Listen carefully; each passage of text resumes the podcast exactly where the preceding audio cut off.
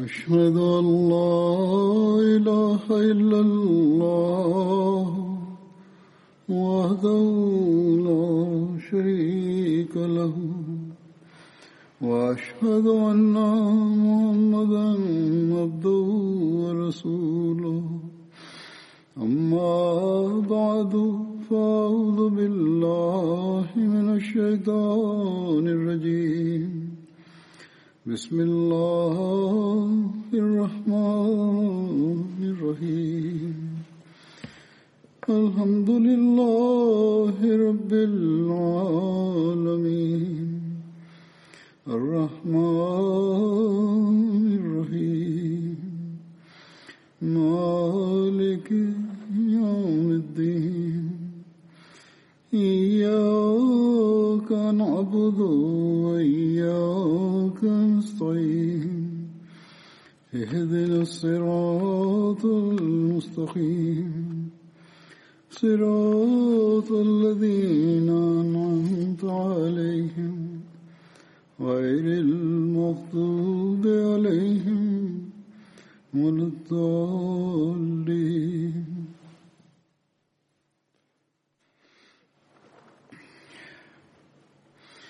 الذين ينفقون أموالهم بالليل والنهار سرا وعلانية فلهم أجرهم عند ربهم ولا خوف عليهم ولا هم يحزنون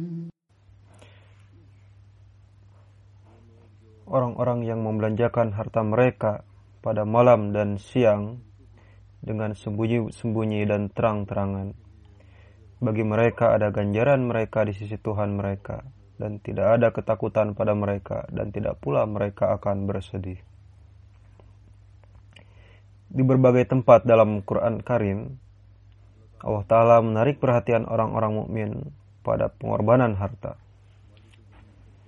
Dalam ayat ini juga kita saksikan bahwa Allah Ta'ala menyebutkan keistimewaan orang-orang mukmin. Bahwa mereka membelanjakan harta di jalan Allah siang dan malam. Dan mereka membelanjakannya secara sembunyi-sembunyi dan juga terang-terangan. Kedua cara ini, yakni secara sembunyi-sembunyi dan terang-terangan, diterima di sisi Allah Ta'ala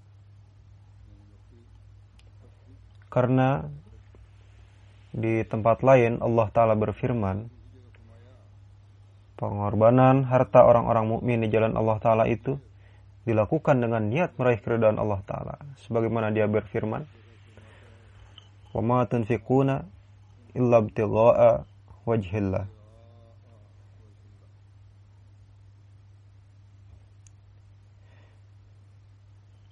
yakni mereka membelanjakan harta demi meraih keridhaan Allah.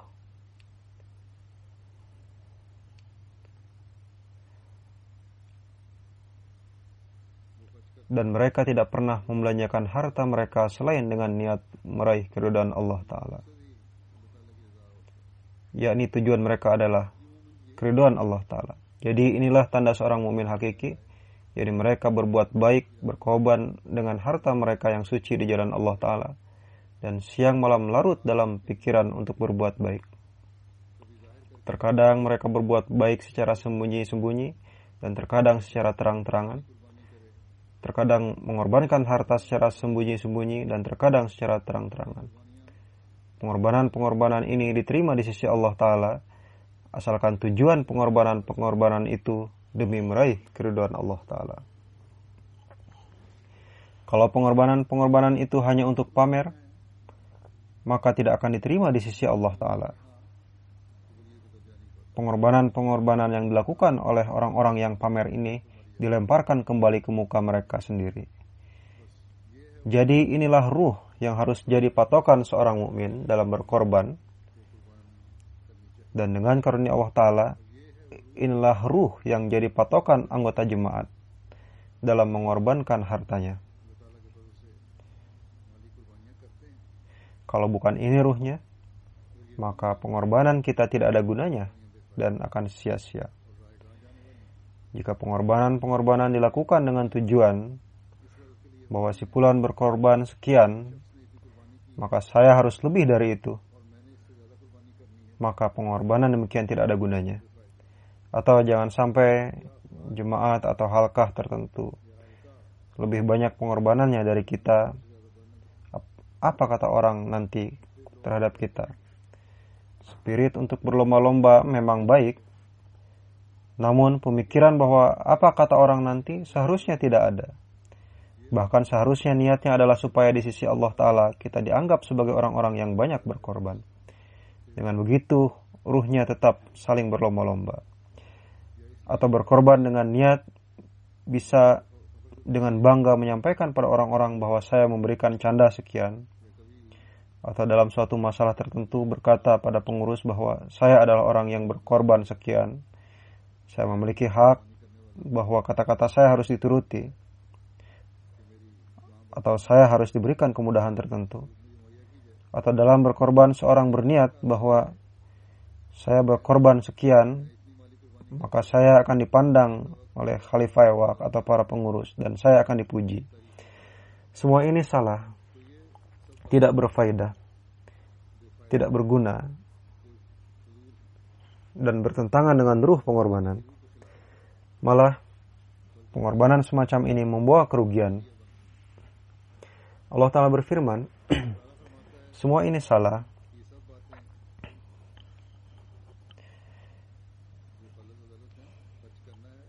Kalau ingin membelanjakan harta di jalanku, maka satu-satunya tujuan haruslah demi meraih keridoanku. Ya, Allah Ta'ala juga memberikan kehormatan bagi orang yang ingin meraih keridoannya. Namun kehormatan itu seharusnya membuatnya lebih meningkat lagi dalam hal kerendahan hati. Bahkan dia malu jika orang-orang memujinya. Kalaupun ingin terlihat oleh khalifah, seharusnya niatnya adalah supaya khalifah mendoakan saya dan tercipta hubungan yang kuat dengan khilafat sudah menjadi hal yang alami bahwa seorang ingin mendapatkan doa-doa orang yang dia bayat padanya. Jika memang yakin pada khilafah hakah, maka keinginan seperti itu tidak masalah. Asalkan niatnya bukan untuk pamer. Bahkan niatnya seharusnya adalah supaya saya meraih keridhaan Allah Ta'ala dan pengorbanan itu dan dengan pengorbanan itu Khalifah Wak mendoakan saya supaya saya lebih dekat lagi dengan Allah Ta'ala dan menjadi orang-orang yang meraih keridhaan Allah Ta'ala. Bagi orang-orang mukmin, saling mendoakan satu sama lainlah yang menjadi sarana kemajuan rohani mereka. Jadi pemikiran seperti ini juga sesuai dengan ajaran Allah Ta'ala. Allah Ta'ala berfirman, jika kalian membelanjakan harta kalian semata-mata demi meraih perhatian dan keredoanku, maka aku berjanji bahwa aku akan menjauhkan ketakutan kalian dan juga kesedihan kalian. Aku akan menciptakan ketentraman hati bagi kalian, menganugerahkan ketenangan pada kalian, dan merangkul kalian dalam pangkuanku. Pemikiran seperti ini adalah dimiliki oleh orang-orang yang di zaman ini menerima imam zaman Masih Maud dan Mahdi Maud dan hamba sejati Rasulullah Shallallahu Alaihi Wasallam sehingga mereka mengorbankan harta mereka demi agama Allah Taala dan Allah Taala tidak membiarkan pengorbanan itu tanpa buah mereka mengorbankan harta di jalan Allah demi meraih, meraih keridhaan Allah Ta'ala. Namun terkadang Allah Ta'ala langsung memberikan ganjarannya. Terkadang dalam bentuk harta dan terkadang dalam bentuk hadiah-hadiah lainnya. Yang contohnya senantiasa kita lihat dalam jemaat. bukan lagi puluhan atau ratusan jumlahnya, tapi ribuan contohnya. Bahkan saya katakan ada ratusan ribu contoh yang dialami oleh orang-orang yang ingin meraih keridhaan Allah Ta'ala. Dan mereka sendiri menyaksikan hal itu sedang berlaku pada diri mereka. Kemudian dengan itu iman mereka bertambah kuat. Sesungguhnya orang-orang yang berkorban harta juga harus ingat bahwa pada mereka ada hak-hak anak istri mereka juga. Dan menunaikan hak-hak juga merupakan kewajiban seorang mukmin. Memahrumkan anak istri dari haknya dan tidak memenuhi kebutuhannya juga merupakan dosa. Namun juga ingat bahwa kalian harus menarik perhatian keluarga kalian ke arah pengorbanan harta sambil mengamalkan kona'ah, memberitahu mereka tentang pentingnya kona'ah dan menciptakan spirit kona'ah dalam diri mereka. Sehingga dengan demikian keturunan orang-orang seperti ini dengan karunia Allah Ta'ala menjadi pewaris karunia-karunia Allah Ta'ala sedemikian rupa, sehingga orang-orang menjadi terheran-heran melihatnya. Sekarang saya akan menyampaikan beberapa kisah tentang orang-orang yang berkorban, yang dengan pengorbanan itu mereka memperoleh karunia Allah Ta'ala, Allah atau Allah Ta'ala menggerakkan mereka untuk membelanjakan hartanya di jalan Allah Ta'ala. Kemudian bagaimana Allah Ta'ala membalasnya. Kisah-kisah ini sering kali sangat berfaedah karena dengannya orang-orang juga tergerak untuk berkorban. Dan sebagian orang menulis bahwa kisah-kisah ini sangat memberikan dampak pada kami. Dan kami pun tergerak untuk mengorbankan harta sehingga kami juga menyaksikan pemandangan-pemandangan karunia Allah Ta'ala. Hazrat Masih Salam di suatu tempat bersabda, Allah Ta'ala berfirman dalam Al-Quran bahwa janganlah kalian menyembunyikan seluruh amal kalian. Bahkan sesuai dengan kemaslahatan, lakukanlah sebagian amal baik secara sembunyi-sembunyi. Ketika kalian menganggap bahwa menyembunyikannya lebih baik untuk diri kalian. Dan lakukanlah sebagian amal secara terang-terangan ketika kalian menganggap dalam menzahirkannya terdapat kebaikan untuk orang lain supaya kalian mendapatkan dua ganjaran dan supaya orang-orang yang lemah melakukan kebaikan itu karena mengikuti kalian. Beliau alaihissalam bersabda, jangan hanya mengajak orang-orang dengan kata-kata, melainkan ajak jugalah dengan perbuatan. Karena kata-kata tidak memiliki pengaruh di setiap tempat. Bahkan sering kali contohlah, teladanlah yang sangat berpengaruh. Jadi kisah-kisah yang saya sampaikan atau yang hari ini akan saya sampaikan ini bukanlah saya sampaikan karena orang-orang menulis supaya disampaikan, tapi saya sendiri yang ingin menyampaikannya supaya dampak positif dari contoh ini mempengaruhi orang-orang. Bahkan sebagian ada yang menulis bahwa jangan sebutkan nama kami. Bagaimanapun juga sekarang saya akan menyampaikan beberapa kisah Semoga dengan izin Allah Ta'ala kisah-kisah ini menjadi faktor berlipat gandanya pahala orang-orang yang mengalami kisah-kisah ini. Pertama, pahala karena mereka berkorban di jalan Allah Ta'ala. Dan kedua, dengan contoh-contoh dan kisah-kisah mereka, orang lain jadi terinspirasi untuk mengorbankan harta. Dan dalam diri mereka tercipta kesadaran untuk mengorbankan harta. setelah bayat bagaimana gejolak yang timbul untuk mengorbankan harta demi meraih keridhaan Allah Ta'ala. Tentang itu, Mubalik Albania Samad Sahib menulis, Seorang teman dari Albania, Ja'far Koci Sahib, mendengar pidato yang saya atau Huzur sampaikan tentang karunia-karunia Allah Ta'ala pada pidato penutupan jasa salam 2020 dan saat itu saya juga sampaikan tentang kisahnya menerima Ahmadiyah. Mubalik Sahib menulis bahwa sampai Agustus beliau tidak memiliki penghasilan. Suatu hari setelah salat Jumat beliau bertanya, tolong jelaskan lagi pada saya tentang canda-canda yang dibayar oleh pemuda-pemuda Ahmadi lain. Dengan demikian kepada beliau kembali dijelaskan mengenai canda. Sebelumnya juga pernah disampaikan Setelah itu beliau sampaikan bahwa bulan itu flatnya disewa dan beliau mendapatkan uang sewa.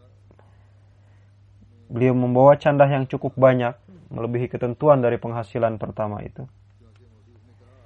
Dengan demikian beliau berkata, setelah dibayarkan sesuai dengan ketentuan yang dijelaskan oleh Hazrat Muhammad SAW, maka sisanya masukannya, masukkanlah dalam tahrik jadid dan wakfi jadid.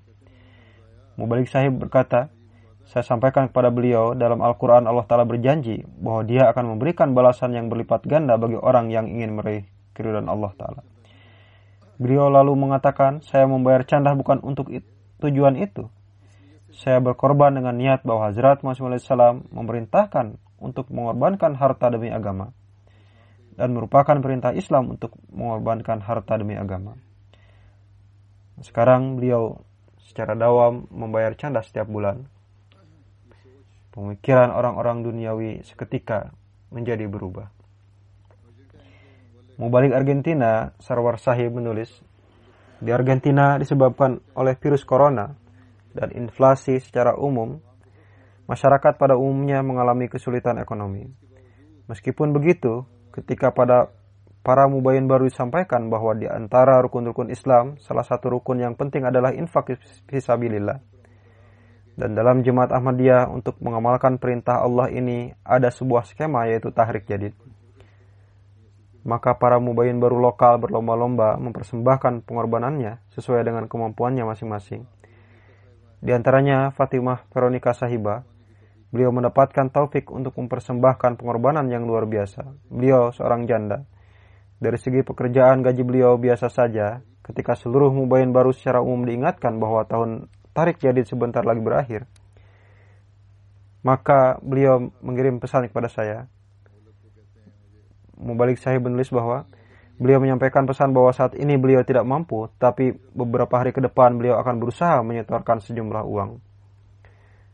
Dengan demikian, beberapa hari kemudian beliau menyetorkan uang sejumlah 500 peso Argentina. Membalik menulis, uang sebesar ini tergolong luar biasa kalau dilihat dari sisi keadaan ekonomi beliau, bahkan dari sisi keadaan ekonomi Argentina pada umumnya. Membalik saya menyampaikan bahwa melihat spirit beliau, saya sangat berterima kasih pada beliau. Atas itu beliau berkata, kenapa harus berterima kasih? Beliau berkata, saya menerima Islam dengan senang hati. Saya menerima Islam setelah memahaminya. Dan dari antara perintah-perintahnya, salah satu perintah adalah berkorban demi agama. Malah saya merasa malu karena kesibukan saya bekerja. Saya tidak bisa mengorbankan waktu saya untuk agama sebagaimana seharusnya menjadi tanggung jawab seorang Ahmadi. Ini adalah revolusi yang Allah Ta'ala ciptakan dalam diri orang-orang yang bergabung dalam jemaat Masih Maud salam dengan kesetiaan sempurna. Yakni revolusi bahwa apa yang seharusnya dilakukan untuk meraih keridhaan Allah Ta'ala. Apa yang harus diupayakan untuk itu dan bagaimana caranya memajukan misi Hazrat Masih salam. Indonesia yang merupakan salah satu negara kepulauan di dunia. Bapak Amir di sana menulis, seorang lajnah di Jemaat Tangerang, Ibu Mursila menulis bahwa karena corona suami beliau kehilangan pekerjaan. Kemudian beliau memulai usaha namun tidak beruntung. Kemudian beliau narik mulai narik ojek online di situ pun beliau masih mengalami kesulitan yang sama. Sehingga keadaannya sedemikian rupa sampai-sampai berpikir bahwa hari esok bisa makan atau tidak. Ibu itu menulis, tadinya kami ingin melunasi perjanjian tahrik jadi di bulan Ramadan. Suami saya bilang pada saya untuk berdoa, berdoalah supaya bisa melunasi perjanjian. Ibu itu menyampaikan bahwa di bulan Ramadan saya melihat dalam mimpi seseorang berkata pada saya, kamu sudah berjanji sesuatu? Saya jawab, ya. Kemudian orang itu berkata, penuhilah janji itu. Ketika terbangun saat itu, waktu tahajud, setelah tahajud, pada saat saya sahur, saya ceritakan mimpi saya kepada suami. Beberapa hari kemudian, ketika suami saya datang ke rumah dia dengan sangat senang, memberikan uang yang begitu banyak pada saya, seraya berkata, lunasilah perjanjian tarik jadi secepatnya. Ketika suami saya mengambil gaji ojek online ke bank, sesampainya di bank, uang yang seharusnya hanya 50 ribu rupiah, ternyata di rekening ada 20 kali lipatnya. Ibu itu menyampaikan bahwa kami tidak tahu uang dari mana itu. Namun saya yakin bahwa ini semata-mata pertolongan Allah Ta'ala yang dia anugerahkan pada kami karena melihat niat kami. Seperti itulah Allah Ta'ala mengeluarkan mereka dari kegelisahan dan kesedihan. Bapak Amir Indonesia juga menyampaikan bahwa di sebuah kampung di Lampung ada seorang ibu Ahmadi, Nur Sahibah, Beliau dan suami berdagang di kantin SD. Ibu itu menyampaikan bahwa memang tidak banyak untungnya, tapi cukup untuk memenuhi kebutuhan sehari-hari dan bayar canda. Ibu ini membayar canda setiap bulan dengan sangat senang. Ibu itu menyampaikan bahwa disebabkan virus corona, sudah dua bulan sekolah ditutup, sehingga penghasilan hilang. Kami sangat gelisah bagaimana bisa membayar canda. Beliau ingat bahwa beliau dan anak beliau punya celengan di mana beliau menyimpan uang.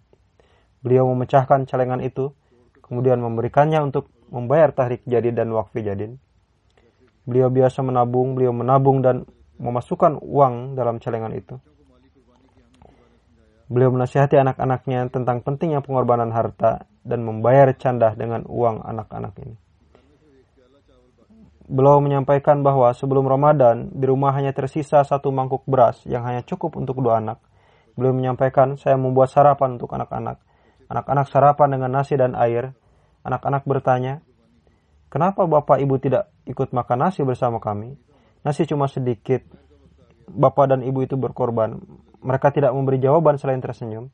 Ketika siang hari tiba, anak-anak merasa lapar.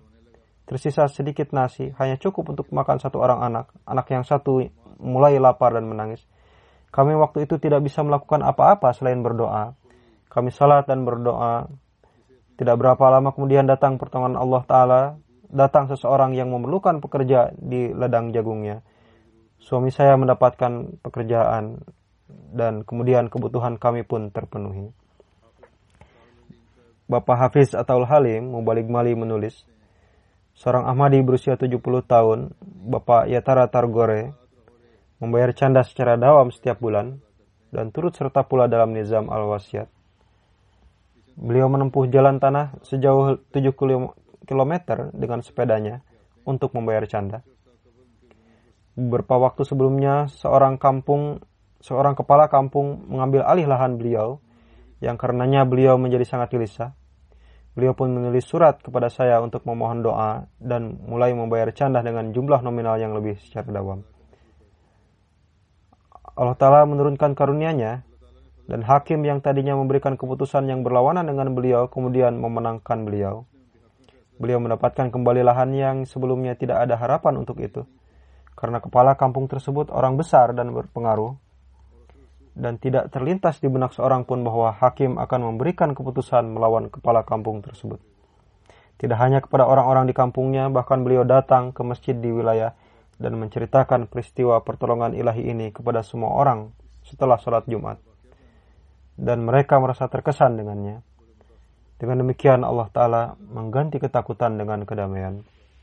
Bapak Amir Perancis menulis, seorang teman menceritakan, saya menuliskan perjanjian tarik kredit saya tahun ini dua kali lipat dari tahun sebelumnya, yaitu sebesar 1000 euro.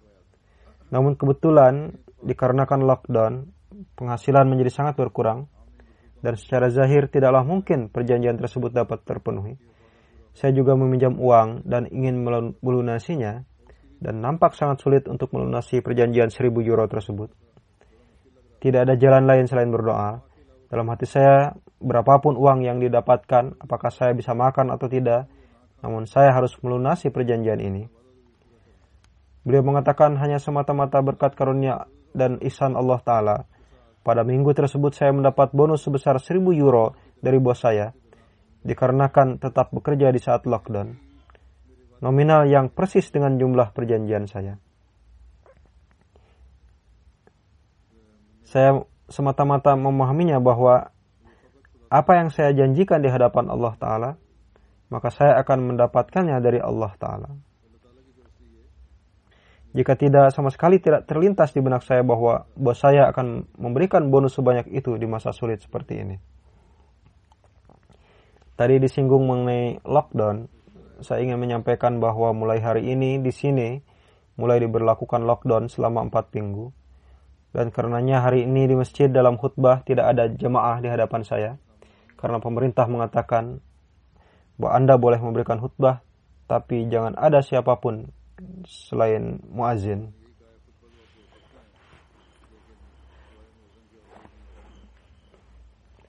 Dari Kanada, seorang Ahmadi berkebangsaan Syria menulis kepada saya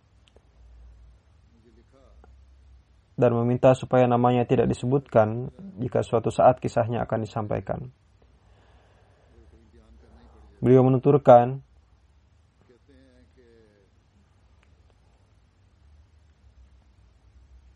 Saya berjanji bahwa seiring dengan mengucapkan mubarak atas terwujudnya Islamabad sebagai markas baru, maka dalam kebahagiaan ini saya akan membayar 5.000 dolar Kanada untuk tahrik jadid. Beliau berjanji pada tahun lalu. Beliau menuturkan pada waktu itu penghasilan saya 4.000 dolar per bulan dan dalam kondisi yang bagus. Beberapa bulan kemudian saya membeli mobil baru dan berganti pekerjaan, kemudian penghasilan pun semakin bertambah.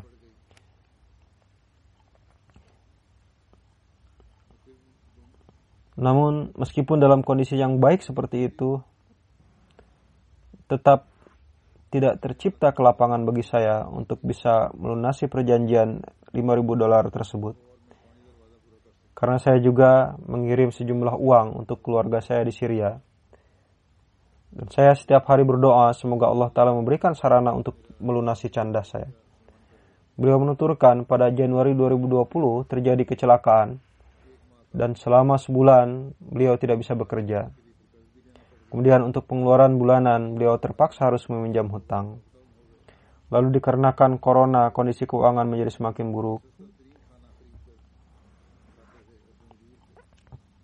Terjadilah lockdown sehingga di bulan Februari dan Maret saya dan istri memakan makanan yang paling murah dan terpaksa melakukan ini. Saya sangat berusaha dan berdoa supaya setidaknya bisa melunasi di bulan Ramadan, bukan di akhir tahun. Namun, ini nampak seperti mimpi. Kemudian saya meninggalkan pekerjaan di taksi dan mulai bekerja di pengiriman makanan. Dengan karunia Allah Ta'ala, kondisi mulai membaik. Kemudian kami memulatkan tekad kembali dan berjanji untuk melunasinya sebelum Ramadan berakhir, supaya bisa meraih doa-doa dari Halifah Kemudian saya menambah jam kerja saya dan bekerja 11 sampai 12 jam setiap hari. Setelah itu mulai datang pemasukan dari berbagai tempat yang kami tidak tahu dan penghasilan bulanan saya mendekati 9.000 dolar. Demikianlah dengan karunia Allah Ta'ala kami bisa melunasi perjanjian bahkan 10 hari sebelum Ramadan. Beliau juga menulis, saya merasa yakin bahwa jika perjanjian saya besarnya tiga kali lipat sekalipun, maka sebelum akhir tahun saya pasti melunasi perjanjian tersebut. Beliau juga membantu kerabat-kerabat beliau yang miskin di Syria. Bapak Amir Sierra Leone menulis bahwa Bapak Usman, seorang imam di Jemaat Freetown menuturkan, kami biasa membayar candah tahrik jadid setiap tahun. Namun di tahun ini timbul pemikiran bahwa candah yang kami berikan sangatlah biasa. Beliau menuturkan, saya tidak mempunyai pekerjaan, saya hanya mempunyai satu toko kecil yang saya kelola dengan istri saya. Tidak ada penghasilan yang istimewa dari toko tersebut, hanya bisa mencukupi kebutuhan rumah dengan sulit. Kami berulang kali mendengar pengumuman pelunasan candah tarik jadi istri saya mengatakan, kita akan membuat satu kotak kas dan akan mengisinya setiap hari dengan sejumlah uang. Pada akhir Oktober, berapapun yang terkumpul akan kami bayarkan untuk tahrik jadid. Pada tahun-tahun sebelumnya kami tidak pernah membayar lebih dari 20 ribu leon. Namun tahun ini dengan karunia Allah Ta'ala, dengan cara ini kami membayar lebih dari 200 ribu leon. Dua saudara saya juga menggunakan cara seperti ini dan mereka membayar 130 ribu leon. Istri saya khususnya sangat senang melakukan seperti ini. bahwa Allah Ta'ala pada tahun ini telah memberikan taufik kepada kami untuk memberikan pengorbanan yang baik. Dan dengan melakukan ini, standar pengorbanan kami menjadi lebih baik. Dan dengan karunia Allah Ta'ala penghasilan pun bertambah dan sekarang kami akan meneruskan cara yang Allah Ta'ala telah ajarkan pada kami. Marshall Island, satu negara jauh lainnya, yang dari Amerika pun jauh, mau balik di sana, Bapak Sajid Iqbal menulis, di Marshall Island ada seorang ansor, Bapak Kyoshi akan di tahun ini ketika saya pergi untuk meminta perjanjian tahrik jadi dari para anggota jemaat, Bapak Koshi mengatakan, saya tidak punya pekerjaan maupun tempat tinggal. Untuk makan minum pun bergantung pada langgar khana jemaat. Atas hal ini kami memberikan tempat untuk beliau tinggal di masjid dan mengatakan kepada beliau bahwa Sekecil apa pun besarnya tidak masalah, tulislah perjanjian berapapun dan berdoalah semoga Allah Ta'ala menolong Anda. Beliau lalu menuliskan perjanjian sebesar 2 dolar Amerika. Setelah beberapa bulan, beliau datang ke rumah misi dan menyerahkan 50 dolar untuk tarik jadid. Beliau menceritakan, Allah Ta'ala telah mengabulkan doa saya, saya telah mendapatkan pekerjaan, dan juga telah mendapatkan apartemen untuk tinggal, sekarang beliau telah mampu menyediakan makan dan minum beliau sendiri dan lihatlah bagaimana untuk memperkuat keimanan Allah Ta'ala telah memberikan pertolongan dengan cara yang para mubaligin kita pun menjadi terheran-heran dibuatnya. Amir Jemaat Gambia menulis, di Basse diselenggarakan program dengan tema Tahrik Jadid. Dihimbau mengenai pelunasan perjanjian-perjanjian, dalam program tersebut ikut serta juga Bapak Musa. Beliau tidak mempunyai apa-apa untuk dibayarkan canda. Beliau sangat gelisah dan dalam tahajudnya senantiasa bersujud di hadapan Allah Ta'ala memohon karunianya supaya mampu untuk termasuk di antara orang-orang yang mengorbankan harta di jalan Allah Ta'ala. Lalu Allah Ta'ala mengabulkan keinginan hati beliau ini. Beberapa hari kemudian perusahaan tempat beliau bekerja mengatakan bahwa mereka akan mengadakan suatu program selama dua hari di Basel mereka ikut serta di dalamnya akan diberikan ongkos atau upah sebesar 4.000 dalasi. Beliau sangat senang dan setelah dua hari ikut serta dalam program tersebut, beliau meningkatkan perjanjiannya menjadi 2.000 dalasi. Allah Ta'ala men telah menciptakan sarana-sarana penghasilan yang lebih bagi beliau untuk pelunasan canda. Beliau juga senantiasa menghimbau saudara-saudara Ahmadi lainnya mengenai pentingnya tahrik jayid dan pengorbanan harta lainnya. Sadar Jemaat Filipina, Bapak Talha Ali menuturkan, di antara jemaat-jemaat lama di Filipina, salah satunya adalah jemaat Simanwal. Di sini kebanyakan para anggota berprofesi sebagai guru. Ketua jemaat di sana meningkatkan target penerimaannya dan mengirimkan pesan kepada saya bahwa ingatlah secara khusus dalam doa tiga orang guru karena mereka mulai Maret tidak lagi menerima gaji.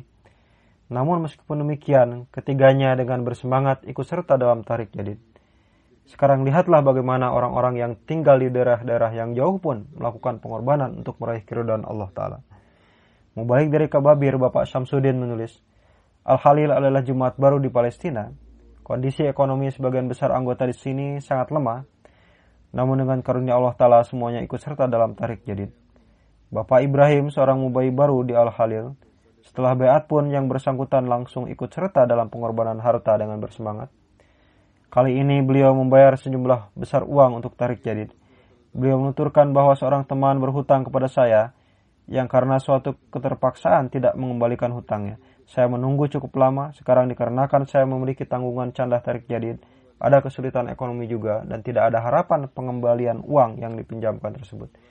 Singkatnya ketika bertemu dengan Pak Amir, maka dengan sedikit berusaha saya membayar canda tarik jadid. Setelah memahami kondisi saya, Pak Amir mengatakan, sekarang Anda telah membayar canda tarik jadid di jalan Allah, maka Allah Ta'ala pasti akan memberikan keberkatan. Kemudian hanya beberapa jam setelah Pak Amir pergi, orang yang berhutang kepada saya mengembalikan uang saya dan kekhawatiran-kekhawatiran saya menjadi sirna. Ada seorang kawan dari Wiesbaden Jerman, beliau datang ke kantor tarik jadi dan menceritakan, kasus suaka saya ada pada seorang hakim yang tidak mau menyetujui permintaan suaka tersebut. Saya mendengar peristiwa-peristiwa yang menggugah keimanan dalam program mengenai tarik jadi dan berkeinginan untuk membayar 1000 euro untuk tarik jadid. Bagaimana kemudian pertolongan Allah Ta'ala terjadi, kasus ini berpindah dari hakim tersebut kepada seorang hakim lainnya. Dan dengan karunia Allah Ta'ala kasus tersebut disetujui. Sekarang saya datang untuk memenuhi perjanjian saya dengan Allah Ta'ala. Kemudian beliau memberikan uang sejumlah nominal yang beliau janjikan. Sekretaris Tahrik Jadid UK menuturkan, seorang Ahmadi di Jemaat Burton tidak mempunyai pekerjaan. Setelah membayar candah tarik jadi keesokan harinya beliau langsung mendapatkan pekerjaan yang layak. Seorang Ahmadi lainnya di Jemaat Bertan mengalami kesulitan ekonomi. Meskipun demikian beliau tetap membayar candah tarik jadi. Beberapa waktu kemudian beliau mendapatkan surat dari Departemen Pajak Inggris bahwa tahun lalu Anda membayar lebih dan nominal ini melebihi jumlah candah beliau. Seorang Ahmadi yang bekerja di bidang profesional mengalami masalah di kantornya. Seseorang telah mengadukan beliau secara tidak benar. Beliau membayar candah tarik jadidnya. Kemudian orang yang mengadukan tersebut dipecat. Malah kebalikannya orang yang membuat pengaduan itulah yang dipecat. Mobil seorang Ahmadi jatuh ke dalam lubang. Beliau berpikir bahwa jika mobilnya ini bisa diangkat dalam kondisi baik, maka beliau akan membayar lebih candah tarik jadid. Kemudian mobil itu diangkut diangkat tanpa adanya kerusakan. Beliau lalu membayar candah tarik jadid sejumlah penghasilan beliau dalam seminggu. Seorang atfal membayar candah tarik jadidnya sejumlah uang sakunya selama enam bulan. Anak-anak pun berusaha untuk meningkat dalam pengorbanan-pengorbanan harta. Seorang hudam menabung uangnya untuk liburan, kemudian beliau membayarkannya untuk candah tarik jadid. Ketua Jemaat Barking dan Digenham menuturkan, kali ini kami harus memenuhi target tarik jadid, meskipun harus membayar lebih dari saku sendiri. Kemudian kekurangan dari target itu beliau penuhi dari beliau sendiri. Setelah beliau mendapatkan pemberitahuan dari kantornya bahwa beliau tahun ini akan mendapatkan bonus lebih besar 70% dari tahun sebelumnya. Dan jumlah bonus ini jauh lebih besar dari jumlah yang beliau bayarkan sebagai tambahan untuk candah tarik jadi tadi. Bapak Linar Abdurrahmanov dari Kazakhstan menuturkan, saya secara dawa membayar canda am, canda jasa salana, tarik jadi dan waktu jadid. Dan keberkatan dari canda-canda tersebut adalah istri saya setelah menyelesaikan medical college mendapatkan pekerjaan di program pemerintah dan pemerintah memberikan pinjaman untuk tempat tinggal anak-anak dan anak-anak belajar di tempat pengasuhan dan sekarang kondisi ekonomi jauh lebih baik dari sebelumnya. Saya punya dua mobil dan sekarang saya ingin membangun rumah pribadi. Ini semua adalah karunia Allah Ta'ala dan berkat membayar canda. Sebelumnya kami tinggal di rumah susun karena kesulitan ekonomi, namun kami tetap membayar candah yang hasilnya Allah Ta'ala memberikan karunia-Nya yang tak terhingga kepada kami. Seorang mubalik dari Guinea Bissau, Bapak Muhammad Ahsan menulis, Seorang Ahmadi, Bapak Muhammad Ibrahim menuturkan bahwa tahun lalu ketika saya, yakni Huzur, mengumumkan tahrik jadid, setelah menyimak khutbah pada hari itu juga, beliau menuliskan perjanjiannya dan beriradah untuk membayarnya setiap bulan. Kemudian demikianlah yang terjadi, akan tetapi di hari-hari wabah corona ini penghasilan terhenti, sehingga timbul kegelisahan pada waktu itu. Kemudian ketika tidak lama lagi tahun tarik jadid berakhir, maka kegelisahan semakin bertambah. Saya terus berdoa.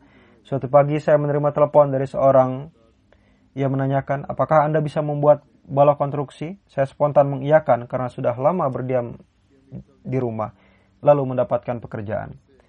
Dan dikarenakan ini Allah Ta'ala menyediakan sarana untuk melunasi perjanjian saya dan kesulitan ekonomi yang timbul diakibatkan lockdown menjadi hilang. Bapak Ibrahim menuturkan, semua keberkatan ini adalah dikarenakan mengucapkan baik atas seruan Khalifah Wak. Bapak Amir Tanzania menulis bahwa mubalik dari Ranch Bar menulis, seorang wanita Ahmadi yang sudah sepuh, Ibu Hamnah Bibi, meskipun penghasilan beliau yang terbatas, setiap tahun beliau selalu terdepan dalam pembayaran canda Tahun ini pun ketika diserukan pengorbanan harta di bulan Ramadan, beliau melakukan segala upaya yang memungkinkan untuk bisa melunasi perjanjian di bulan tersebut. Namun dikarenakan kesulitan ekonomi, beliau tidak bisa menyediakan uang.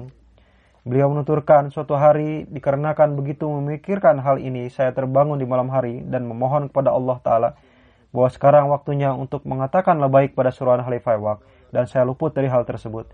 Lalu pada pagi harinya datang telepon dari seorang kerabat beliau yang sudah lama tidak ada kontak. Kerabat beliau tersebut mengirimkan sejumlah uang sebagai hadiah untuk beliau yang dengannya beliau membayar candahnya. Beliau sendiri menyampaikan bahwa dikarenakan membayar canda Tuhan saya senantiasa memperlakukan saya dengan kasih sayang dan tidak pernah meninggalkan saya sendiri. Bapak Wakilul Mal dari Kadian menulis, Contoh tarik jadi seorang Ahmadi dari Kerala sebesar 500 ribu rupiah. Beliau menyisihkan sejumlah uang untuk membeli furniture perusahaannya dan aktivitas perusahaannya harus berhenti jika tidak membayar tepat waktu.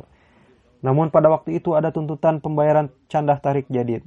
Beliau dengan mengutamakan pentingnya canda membayarkan uang tersebut untuk canda.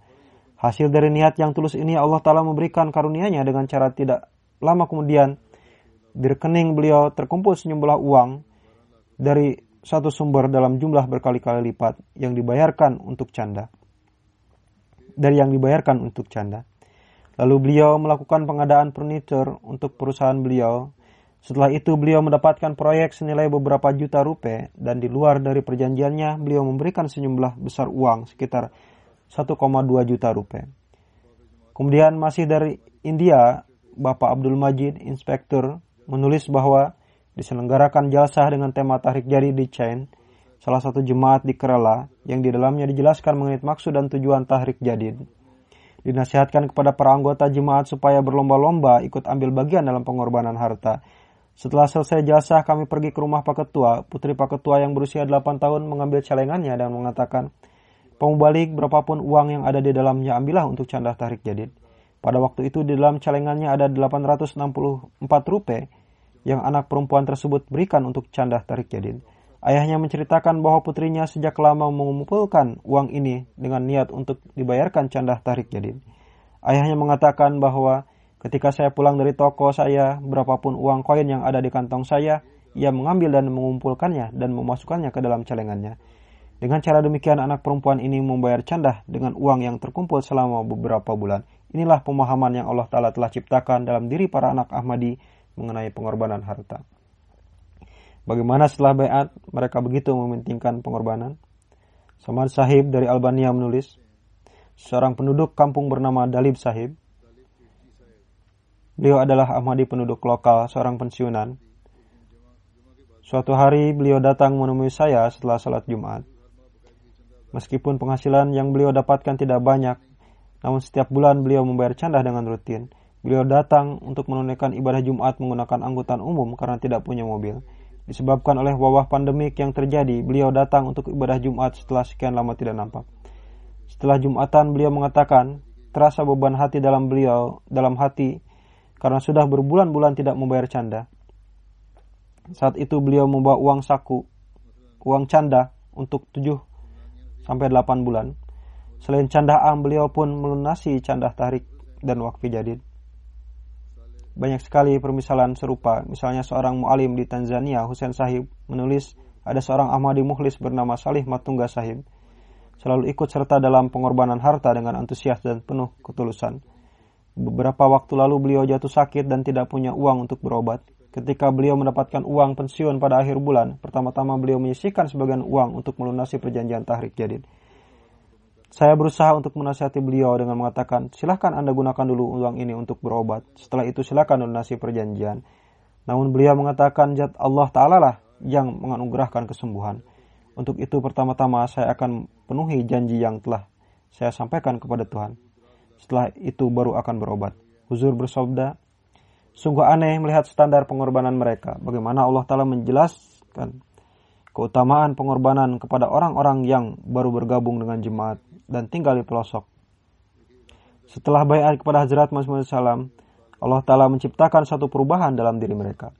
Bapak Amir Gambia menulis, di satu daerah diselenggarakan program mengenai tuntutan tarik jadid. Disampaikan himbauan mengenai mewakafkan hidup untuk Islam menjalani hidup sederhana, jangan malu melakukan pekerjaan-pekerjaan kasar. Setelah program tersebut, seorang Ahmadi, Ibrahim Sahib menyampaikan bahwa beliau akan memberikan seribu dalasi untuk canda tarik jadid. Selain itu, beliau juga menyampaikan akan mewakafkan anak semata wayangnya dan mengirimnya untuk menjadi mubalik. Saat ini anak tersebut duduk di bangku SMP, ini adalah niat beliau bahwa insya Allah Ta'ala ia akan menjadi mubalik. Sekretaris Umum Akrazun, Adam Sahib dari Ghana menulis, Amir Wilayah Sahib telah memberikan 50 siti Ghana kepada saya untuk ongkos. Saya membayarkan uang tersebut untuk candah tarik jadid. Pada keesokan harinya saya pergi untuk suatu tugas bersama dengan atasan saya. Ketika akan pulang, atasan saya bertanya, Bagaimana Anda pulang? Saya jawab, saya akan pulang naik taksi. Atasan saya meminta HP saya dan berkata, silahkan cek HP Anda. Lalu saya mengecek HP saya, ternyata atasan saya mentransfer uang untuk saya melalui HP sebesar 1000 City. Tadi saya membayar tarik jadi sebesar 50 City, lalu mendapatkan uang 1000 City. Itulah beberapa kisah yang dapat saya sampaikan. Sebetulnya masih banyak kisah-kisah lainnya. Semoga Allah Ta'ala mencurahkan keberkatan yang tak terhingga ke dalam harta dan jiwa orang-orang yang berkorban itu. Saya akan sampaikan sedikit berkenaan dengan total rincian pengorbanan tarik jadid. Sebagaimana bisa biasa disampaikan bersamaan dengan pengumuman tarik jadid.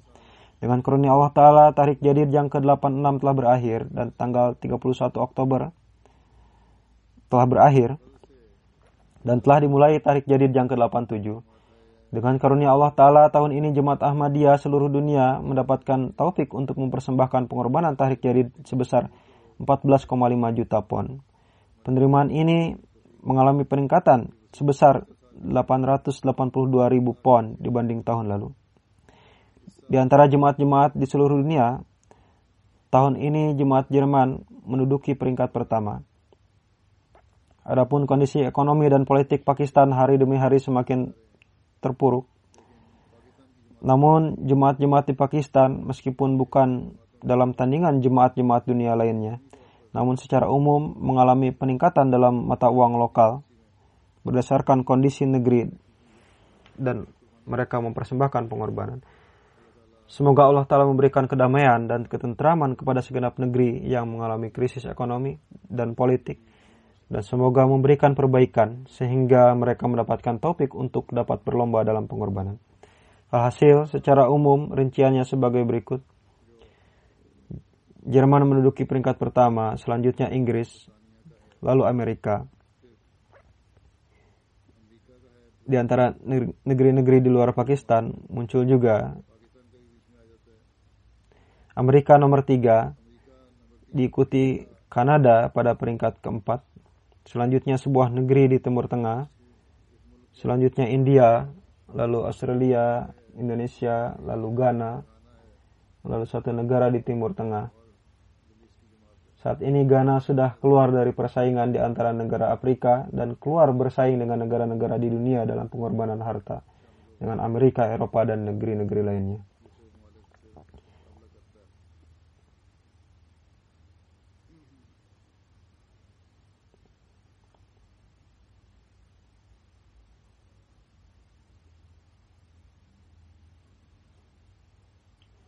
Demikian juga dari sisi rata-rata pembayaran per orang di peringkat pertama Switzerland, kemudian Amerika, Singapura. Ini tiga jemaat teratas, rinciannya akan disampaikan juga nanti. Berdasarkan pendapatan kolektif, jemaat Afrika, jemaat yang menempati posisi teratas di antaranya pertama adalah Ghana, Nigeria, Burkina Faso, Tanzania, Gambia, Sierra Leone, Jemaat Sierra Leone adalah jemaat yang cukup besar dan tua. Amir sahib dan pengurus di sana hendaknya berupaya keras, yakni jika dianjurkan dengan sebaik-baiknya, maka anggota jemaat akan bersedia untuk memberikan pengorbanan. Mereka hendaknya berusaha untuk menarik perhatian anggota. Selanjutnya Benin. Dengan karunia Allah Ta'ala di Benin dilakukan upaya besar. Terjadi peningkatan yang cukup signifikan di jemaat Benin dan Niger dalam hal pendapatan per kapita. Di Benin terjadi peningkatan sebesar 6 kali lipat.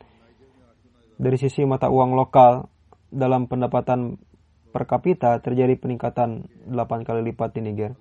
Meskipun jumlah partisipan kurang disebabkan oleh kondisi saat ini, namun penerimaan total dibanding tahun lalu terjadi peningkatan atau sama. Jumlah total partisipan 1.600.800 dan yang perlu disampaikan berkenaan dengan negeri-negeri Afrika yang terjadi per peningkatan dibanding tahun lalu. Peringkat pertama adalah Ghana, Burkina Faso, lalu Mali, Senegal, Gambia, Kongo Kinshasa, Tanzania, Liberia, Kenya, Central Afrika, Sao Tome, Kongo, dan, dan Zimbabwe.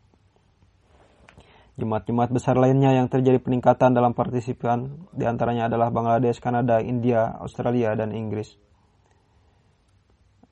Rekening daftar awal dengan karunia Allah Ta'ala berjumlah 5.927 orang, di antaranya 33 masih hidup, dan mereka membayar sendiri, sementara 3.119 masih berlangsung dengan perantaraan para pewarisnya. Selebihnya 2.775 rekening harus uh, terus berlangsung melalui orang-orang mukhlis dalam jemaat. 10 jemaat pertama di Jerman karena Jerman menduduki peringkat teratas secara keseluruhan. Untuk itu, Jermanlah yang paling pertama akan disampaikan rinciannya. 10 jemaat Jerman di antaranya pertama Mahdi Abad, Lodermark, Neus, Nida, Cologne, Penneberg, Ans, Ansberg, Porsheim, Kiel, Pransheim, sedangkan keamir daerahan di antaranya Hamburg, Disband, Frankfurt, Gross-Gerau, Wiesbaden, Morpelden, Mannheim, Riedstadt, Roslaz, Ham, dan Darmstadt.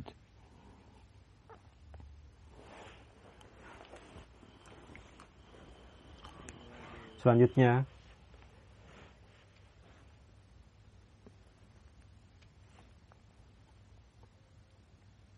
peringkat kedua yakni Inggris berikut posisi jemaat-jemaat di Inggris di antaranya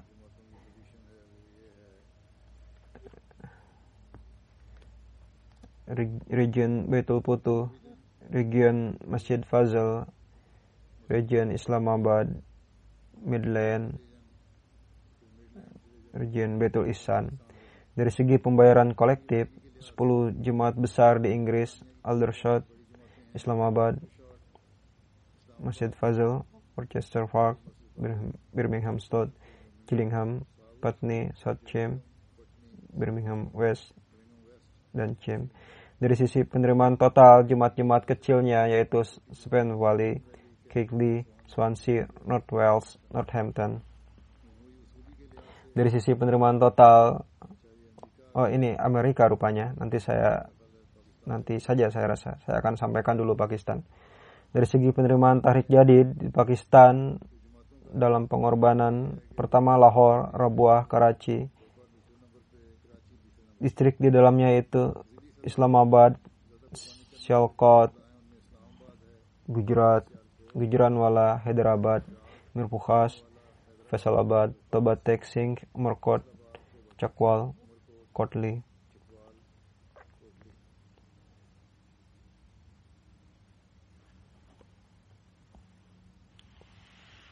Kotli seharusnya dipisahkan, entahlah kenapa disatukan, atau keduanya menempati posisi yang sama. Dari segi penerimaan, kota-kota di Pakistan di antaranya yaitu Emirat Defense Lahore, Emirat Seher Rawalpindi, Emirat Dargord, Karachi, Imarat Mughal Rabuah Lahore, Imarat Township Lahore, Imarat Azizabad, Karachi, Imarat Gulshanabad, Karachi, Peshawar, Quetta, Imarat Delhi Gate, Lahore. Jemaat-jemaat Amerika dari segi penerimaan yaitu Maryland, Los Angeles, Silicon Valley, Central Virginia, Seattle, Oshkosh, Detroit, Chicago, South Virginia, Houston, Atlanta, dan Boston. Emirat-emirat lokal Kanada dari segi penerimaan yaitu Peace Village, Calgary, Vancouver, Toronto West, Mississauga, Brampton East, Saskatoon, Toronto. Jemaat-jemaat kecil lainnya yaitu Bradford, Hamilton, Mountain, Edmonton West, Regina, dan Hamilton East. Sepuluh jemaat-jemaat besar di India dari segi pengorbanannya itu Coimbatore, Kerala, Kadian, Prayan, Hyderabad, Kinanur Town, Kolkata, Calicut, Bangalore, Matatam. Sepuluh provinsi pertama Kerala, Tamil Nadu, Karnatik, Jammu Kashmir, Telangana, Punjab, Odisha, Bengal, Delhi, Maharashtra. 10 jemaat besar Australia dari segi penerimaan kolektif yaitu Melbourne, Long Warren, Castle Hill, Melbourne, Berwick, Marsden Park, Adelaide South, Penrith, ACT Canberra, Adelaide West, Wright, Pramata. Demikianlah perbandingan jemaat-jemaat. Semoga Allah Ta'ala memberikan keberkatan tak terhingga pada harta dan jiwa mereka. Dan mengabulkan segala pengorbanan mereka.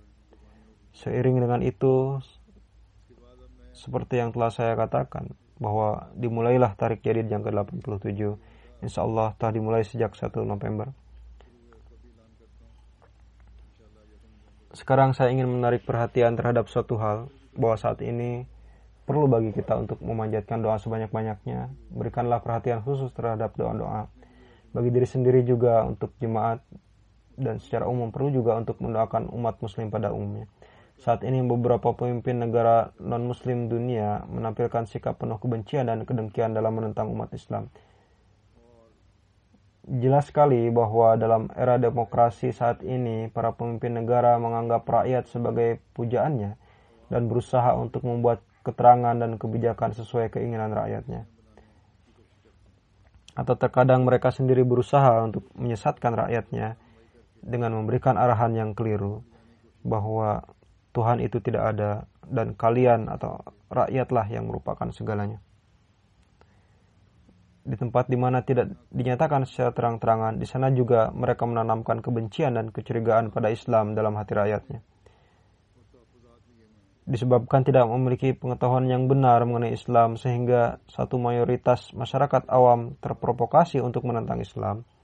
Alhasil, kita harus menyampaikan kepada dunia dengan doa dan upaya bagaimana hakikat Islam.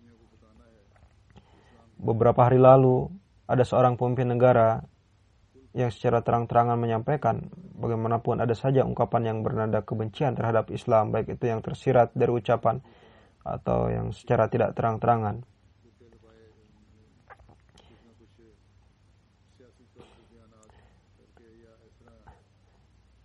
Namun Presiden Prancis telah menyampaikannya secara terang-terangan. Ia mengatakan bahwa agama Islam dalam krisis, padahal agamanya sendirilah yang tengah dalam krisis. Pertama-tama mereka tidak meyakini agama apa pun dan juga telah melupakan Kristen ia sendiri yang tengah dalam krisis. Adapun Islam dengan karunia Allah Ta'ala merupakan agama hidup dan terus tumbuh dan berbuah dan Allah Ta'ala bertanggung jawab untuk menjaganya dalam setiap zaman. Pada zaman ini pun dengan perantaran Hazrat Masih Maud Islam, tablik Islam terus gencar dilakukan di keempat penjuru dunia. Faktanya adalah kekuatan-kekuatan musuh Islam atau orang-orang melakukan ulah demikian dan membuat pernyataan seperti itu karena mereka tahu bahwa dalam internet Islam sendiri tidak terdapat kesatuan antara satu sama lain. Saat ini saya akan sebutkan Perdana Menteri Kanada dalam cara pujian karena beliau telah memberikan respon yang sangat baik terhadap pernyataan Presiden Prancis bahwa apa yang ia sampaikan adalah keliru dan seharusnya tidak ada ucapan demikian. Perdana Menteri Kanada juga menegaskan agar saling menghargai perasaan antar agama dan juga pemimpin agama. Semoga segenap pemimpin negara-negara lainnya pun dapat merenungkan dengan baik pemikiran dan pernyataan beliau ini dan mengamalkan hal itu demi tegaknya kedamaian dan keamanan dunia. Atas pernyataannya tersebut, Pak Perdana Menteri Kanada pantas untuk mendapatkan pujian dan kita harus mendoakan beliau. Semoga Allah Ta'ala lebih membukakan lagi dada beliau. Pada faktanya, memang jelas bahwa dalam intern umat Islam sendiri tidak ada kesatuan, karena itulah ini semua terjadi. Di antara sesama negara muslim pun saling bermusuhan. Pengultusan firkah-firkah telah menzahirkan di dunia luar bahwa terjadi perpecahan di dalam tubuh Islam. Jika seandainya dunia mengetahui bahwa muslim adalah satu, meyakini satu Tuhan, satu Rasul, dan rela berkorban untuk itu, maka pihak dunia non-muslim tidak akan pernah berulah seperti itu. Dengan begitu, surat kabar mana pun tidak akan pernah berani untuk menerbitkan kartun Rasulullah. Beberapa tahun lalu pun kartun yang dibuat di Denmark maupun di Perancis muncul reaksi dari kalangan umat Islam dengan melakukan keributan untuk beberapa saat lalu mengambil sikap untuk memboikot produk-produk negara tersebut lalu bungkam lagi. Setelah beberapa bulan kemudian mereka diam lagi. Saat itu pun Jemaat Ahmadiyah lah yang telah menampilkan reaksi yang benar.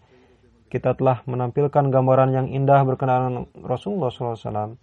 Sebagai buahnya banyak sekali kalangan terpelajar, pemimpin dan masyarakat awam non-Ahmadi yang memuji sikap tersebut dan menyukainya.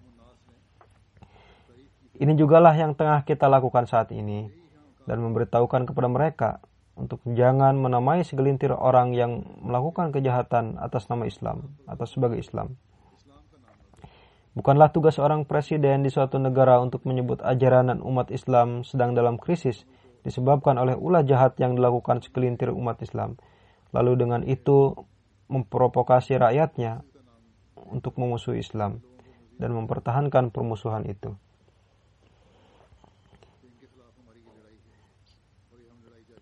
Sebenarnya yang menyulut orang untuk melakukan kejahatan pun adalah mereka sendiri.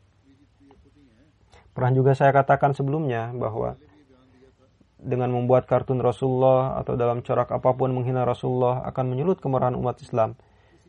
Dan ulah-ulah seperti itu dapat dan memang memancing emosi umat Islam sehingga dapat memunculkan perbuatan yang bertentangan dengan hukum. Jika karena ulah tadi ada umat Islam yang main hakim sendiri, maka merekalah yang bertanggung jawab akan hal itu. Pemerintahan itulah atau atas apa yang disebut dengan kebebasan untuk berekspresilah yang harus bertanggung jawab atas kejadian tersebut. Alhasil, dunia non-muslimlah yang menyulut kemarahan mereka. Ketika kasus ini muncul pertama kali, saat itu saya telah sampaikan mata rantai khutbah. Di dalamnya dijelaskan reaksi yang benar, yakni bagaimana seharusnya kita menyikapi kejadian seperti ini dan apa yang harus kita kedepankan. Dengan reaksi yang benar tersebut seperti yang telah saya sampaikan tadi, memberikan kesan yang positif di benak orang-orang dan bahkan sampai saat ini kita masih terus mengedepankan cara-cara yang sama. Begitu juga ketika seorang politikus Belanda memberikan pernyataan senada, saat itu pun saya sampaikan di khutbah di Belanda. Di dalamnya saya sampaikan peringatan azab Allah Ta'ala kepada orang tersebut. Setelah itu, politikus tersebut memohon kepada pemerintah Belanda agar mengeluarkan larangan atas saya berkunjung ke Belanda, bahkan melontarkan ancaman kematian terhadap saya, bahkan mengusulkan untuk memejah hijaukan saya. Alhasil, sebisa mungkin dan selama masih dalam batas-batas hukum, kita menjawab setiap gerakan yang menentang makom kedudukan Islam dan Hazrat Rasulullah SAW. Dan kami akan terus meresponnya, dan itu memberikan pengaruh. Inilah solusi yang kami berikan, yakni dengan berada dalam batas-batas hukum, kita hendaknya menempuh langkah-langkah. Dan terutama kita harus mengirimkan salawat kepada Hazrat Rasulullah SAW dan berdoa. Dan dalam khutbah-khutbah yang lalu saya telah mencanangkannya, dan meskipun para ulama Gair Ahmadi menentang keras, namun kami akan terus melaksanakan tugas kami untuk membela Islam berdasarkan ajaran Islam yang hakiki. Dan saat ini pun kita tengah terus melakukannya insya Allah Ta'ala. Dengan membunuh beberapa orang, memang nampak semangat yang sifatnya sesat. Namun ini bukanlah solusi yang berkesinambungan. Jika umat muslim mengharapkan solusi abadi, segenap muslim di seluruh dunia harus bersatu Dikabarkan juga bahwa Presiden Turki menyampaikan respon kecaman terhadap pernyataan Presiden Perancis atau beberapa negara muslim memperlihatkan sikapnya. Namun hal itu tidaklah begitu memberikan pengaruh besar yang dapat ditimbulkan jika segenap umat muslim dunia bersatu dalam menyampaikan respon. Meskipun dikatakan bahwa dengan adanya respon dari Presiden Turki tersebut, Presiden Perancis merubah pernyataan dan lebih beradab dengan menyatakan bahwa maksudnya bukanlah demikian. Namun seiring dengan itu tetap saja ia teguh dalam sikapnya, yakni apa yang kami lakukan adalah benar. Jika seandainya 54 atau 55 negeri muslim di seluruh dunia satu suara dalam menyatakan sikap, maka ucapan seperti itu tidak akan muncul dan Presiden Perancis akan terpaksa bersimpuh lalu menyampaikan permohonan maaf atas sikapnya ini. Di sini itu saja secara singkat yang ingin saya sampaikan yakni berdoalah dan sekurang-kurangnya negeri-negeri muslim satu suara dalam menyatakan sikap di hadapan negara-negara non-muslim. Setelah itu silahkan lihat dampaknya. Adapun kami terus melakukan misi kami dan akan terus dilakukan insya Allah adalah tugas dan tanggung jawab para pengikut Masih Muhammadi untuk menyebarkan ajaran Islam yang indah kepada dunia, untuk menampilkan wajah Rasulullah SAW yang indah kepada dunia. Dan janganlah duduk dengan tenang sebelum seluruh dunia bersatu di bawah panji Rasulullah SAW. Sampaikanlah kepada dunia bahwa inilah yang akan menjadi penjamin keberlangsungan kalian, yakni dengan mengenal Tuhan yang Esa dan mengakhiri kezaliman. Beberapa bulan lalu saya mengirimkan surat lagi kepada para pemimpin negara. Pada masa pandemik pun saya menulis surat kepada Presiden Prancis. Dalam surat tersebut, saya menyampaikan peringatan dengan mengutip sabda Hazrat Masih Salam bahwa azab dan bencana ini datang dari Allah Ta'ala disebabkan oleh kezaliman, kezaliman yang terjadi. Untuk itu saya sampaikan agar Anda semua perlu untuk memberikan perhatian serius akan hal ini akhirilah kezaliman, tegakkanlah keadilan, dan berikanlah keterangan dengan berpondasi pada kebenaran. Kami telah memenuhi tanggung jawab kami dan akan terus kami penuhi. Terpulang kepada mereka, apakah mereka akan mengikutinya ataukah tidak. Namun kita umat muslim, bagaimana jangan lupa untuk berdoa. Semoga Allah Ta'ala memberikan taufik kepada mereka untuk mengenali hamba sejati Rasulullah Sallallahu Alaihi Wasallam dan secara umum dunia hendaknya merenungkan yakni jika mereka menjauh dari Allah taala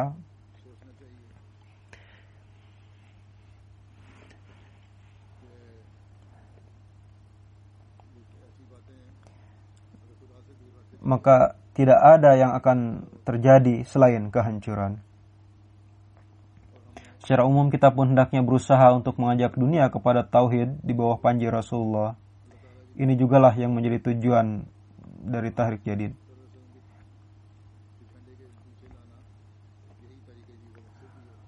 Semoga Allah Ta'ala memberikan topik kepada kita untuk dapat mengamalkannya.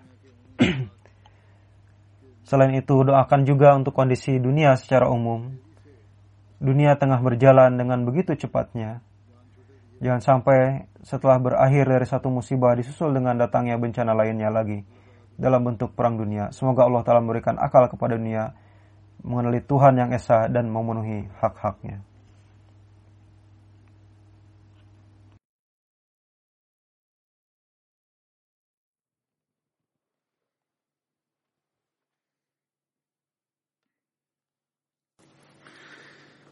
Alhamdulillah الحمد لله نحمده ونستعينه ونستغفره ونؤمن به ونتوكل عليه. ونعوذ بالله من شرور أنفسنا ومن سيئات أعمالنا. من يهده الله فلا مضل له. ومن يهده من يهده الله فلا مضل له. ومن يضلله فلا هادي له. ونشهد أن لا إله إلا الله.